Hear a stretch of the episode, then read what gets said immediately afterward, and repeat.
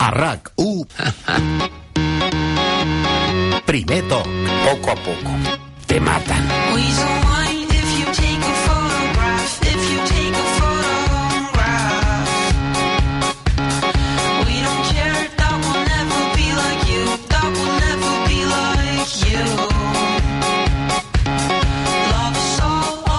Minuts i dos quarts de nou del vespre. Haurem d'acomiadar el Carles Fiter d'aquí a, a uns minuts, però, Carles, volia que tinguessis l'ocasió, també el Ferran Correas, però el, el Fiter, que és, que és arlequinat, que, és que tingués l'ocasió de saludar el Manu Lanzarote, que avui el tenim aquí a l'estudi de rac Hola, Manu, bona tarda. Hola, bona tarda. Benvingut. Moltes gràcies. Gràcies per estar, per estar aquí. Eh, Tens un fan a l'altra banda de, eh, de, de la ràdio, oi, Fiter? Home, i tant, i tant. Què passa, Manu? Hola, de Fiter. Què tal? Bé, bé, home, content de, de, de, de tenir-te, de, de, bueno, de poder escoltar. La veritat és que eh, Manu Lanzarote, per qui no el conegui, eh, és, eh, l'Espanyol s'endú un grandíssim jugador i, i a més jo que el conec mm, bé podria dir que s'endú una gran persona i això és molt important perquè eh, el Manu és, és, és un jugador que ho ha passat molt malament perquè eh, durant molts anys ha hagut de lluitar, de picar molta pedra eh, fins fa dos anys no va tenir l'oportunitat de jugar a la segona divisió i ara li arriba a, a la seva edat l'oportunitat de la vida de, de jugar a primera i clar, eh, un jugador que sap el que costa arribar fins aquí dalt i que no ho ha tingut gens fàcil, doncs evidentment sap el que ha de lluitar per, per mantenir-se. Per tant, jo estic convençut que, que l'Espanyol s'endú un gran jugador i una gran persona i un tio, a més a més, que per banda desequilibra i que si el Sevilla aquest any s'ha salvat, en part, és gràcies a la seva feina, als seus gols i les seves jugades. Li queda un partit amb el Sabadell eh, aquest dissabte al camp de l'Alcorcón i després ja eh, doncs a partir del 1 de juliol serà jugador de l'Espanyol i complirà el seu somni, com ens deies ara fa uns mesos, de, de jugar a primera divisió. Encara no ho havies aconseguit. Bueno, sí, no, ha costat molt, com, com diu Fiter, molts anys complicats, però bueno, ja, ja queda una jornada, pues, donar el màxim a aquest partit pel, pel Sabadell, i bueno, est- estic orgullós del, del club que representaré a partir del juliol, i bueno, pues, intentar estar bé, no tenir lesions i donar tot per al club. Eh, era irreal pensar en un playoff amb el, amb el Sabadell? Bueno, és real, no sé, era, era complicat, no? Vam estar 30 jornades lluitant, després van tenir la mala ratxa, quatre partits seguits perdent, i bueno, pues, eh, pot ser que, que hàgim parlat de, massa de, de poder arribar a playoff, quan l'objectiu principal era, era salvar-se, ser tranquils, com ha, com ha sigut al final. Qui creus que pujarà directe? Villarreal o Almeria, en aquest duel directe. Hi ha un Villarreal-Almeria, eh? Dissabte a les 7. Última jornada. Al Madrigal, sí, sí. Bueno, jo crec que Villarreal, però a priori perquè juga a casa, és l'equip local, però bueno, l'Almeria està fent molt bé, ha arribat bé i bueno, jo crec que els dos que, bueno, un dels dos que, que pugi serà eh, per mèrits propis. I a la promoció d'ascens, el Girona, Bueno, jo crec que també, no? Eh, arribat a aquest punt, qui jugui té, té les mateixes opcions, a doble partit, i bueno, jo crec que el Girona segueix bé, s'ha caigut una miqueta com, com pareixia que, que podia pujar directe, però bueno, jo crec que estaran bé anímicament i bueno, pues, eh, és un premi a, tota la temporada que estan fent. Manu Lanzarote és un futbolista de 29 anys, li arriba un pèl tard a l'oportunitat de jugar a primera divisió, com deia el, el, el Fiter. Et vas criar al, al barri de la Mina, en un ambient complicat, eh, vas anar primer al Club Esportiu Sant Gabriel, als 12 anys els tècnics del Barça et fitxen, les categories inferiors. Vas entrar pràcticament al mateix temps que Andrés Iniesta, llegiant un reportatge, oi que sí? Sí, a la mateixa temporada. I després, la temporada 2004-2005, amb només 20 anys, vas arribar a jugar 3 partits amb el filial del, del Barça, a segona B, Sí, també, també. però vas tenir algunes lesions que ja et van impedir progressar, a partir d'aquí no va anar bé l'aventura amb, el, amb el futbol base del Barça, no? Eh, Veig bueno. que explicaves, no?, que al Barça C decideixes marxar quan ja tenies 21 anys, veient que no et donaven oportunitats, i has donat un munt de voltes pel món del futbol fins que vas aterrar a Sant Andreu, Eibar i Sabadell, no?, que t'han anat molt bé. Sí, no, són molts anys, no? He passat per tot arreu. Eh, bueno, pues eh, vaig decidir marxar del Barça eh, quan estava al Barça C perquè bueno, la meva progressió s'havia terminat allà, després he donat voltes per tot, el, per tot Espanya i bueno, com, fins al final no? a Sant Andreu vaig estar bé, vaig fer tres temporades molt bones, després a Ibar vaig tenir l'oportunitat de, de jugar altra vegada a la segona B i bueno, pues, orgullós de- d'estar de, al Sabadell i aquestes, aquestes dues temporades que, que he estat i bueno, pues, ara gràcies a ells també he donat el salt a la primera divisió. Unes paraules especials pel Lluís Carreras, entenc, és un dels entrenadors que més t'ha marcat, ara que ell també deixa el Sabadell.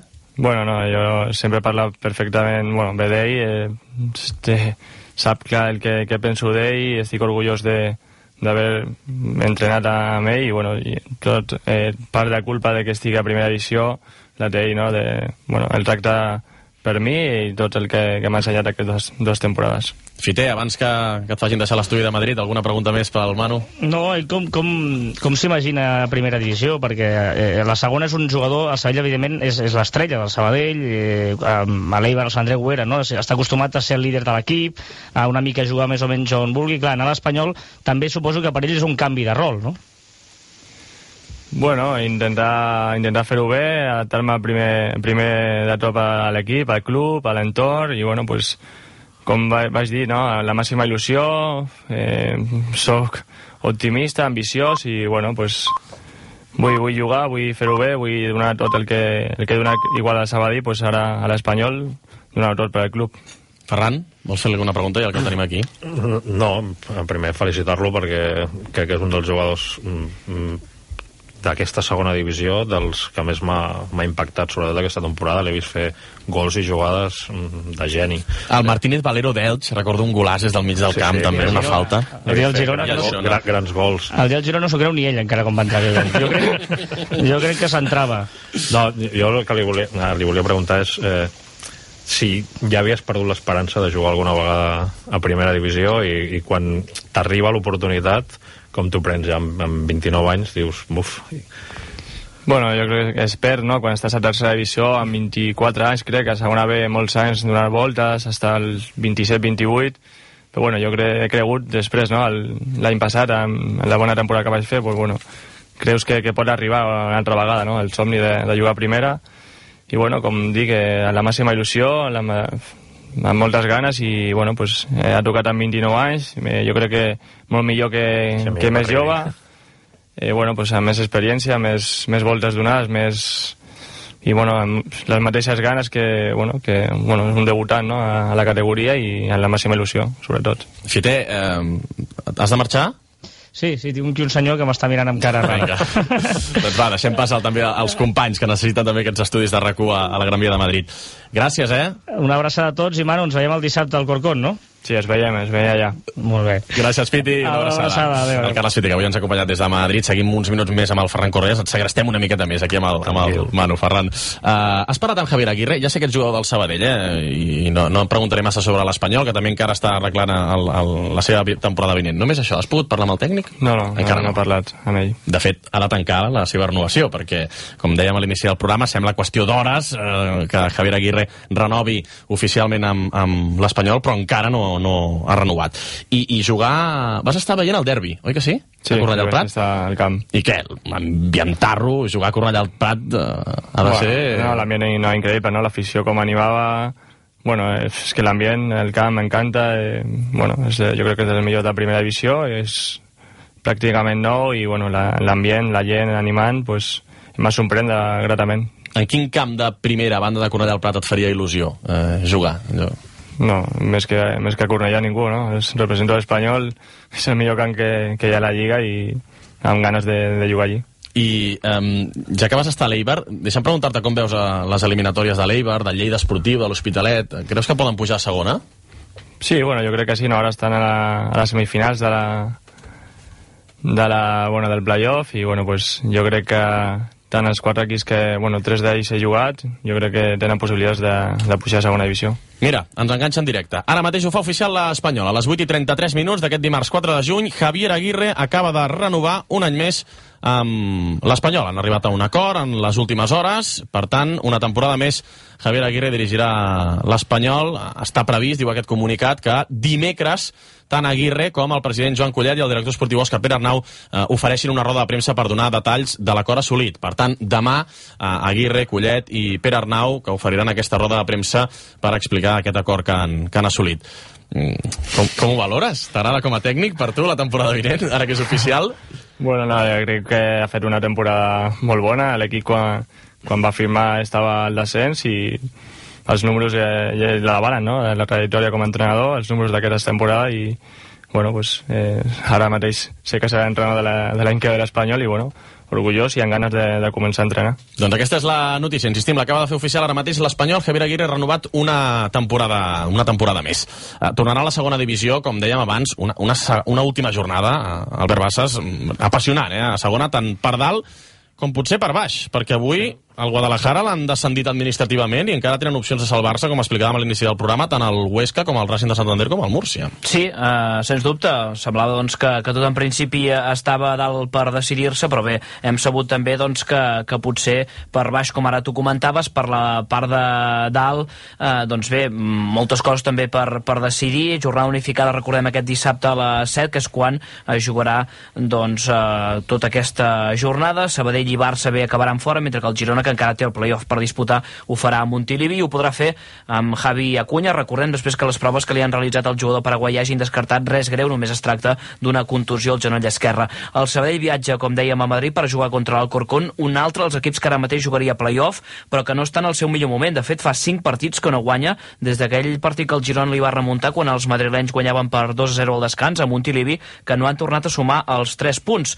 Un Alcorcón que no té, però, aquesta plaça de playoff assegurada. Només el Girona, que passi el que passi en aquesta última jornada, serà quart. Falta saber qui serà el tercer, que serà qui surti derrotat del Villarreal Almeria en una autèntica final per saber qui puja directament a primera, com ara comentàveu amb en Lanza, i a partir d'aquí pendents del que passa per la resta de places. En queden dues per tres equips. El Corcón i les Palmes tenen 66 punts, la Pontferradina en té 65. Pel Girona, Rubí podrà rotar futbolistes si ho vol en aquest partit, que jugarà contra el Madrid-Castilla i que viurem un dia més a la sintonia de rac des de Girona. Un Madrid-Castilla que, sense fer soroll, compta, s'ha situat immediatament per sota del playoff. No té opcions, eh, és evident, per de, diferents motius, però tampoc matemàticament, però és setè.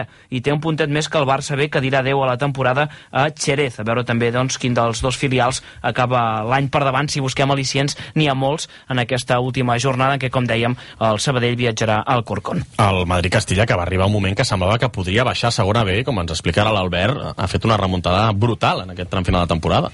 Sí, sí, està molt bé, no? però bueno, és, és, és eh, la primera temporada no? a la segona divisió, després de, de fa temps, mm. i bueno, pues el, fili els filials eh, costa una miqueta no? al principi, no? adaptar-se a la categoria, i bueno, pues està veient no? que la segona volta el, el Castilla està, està molt bé, i si, si pogués jugar a playoff segurament estaria, estaria lluitant per alguna plaça. A més, les temporades de segona divisió són molt llargues, eh? Mira, aquí eh, canviarà una miqueta la cosa l'any que ve.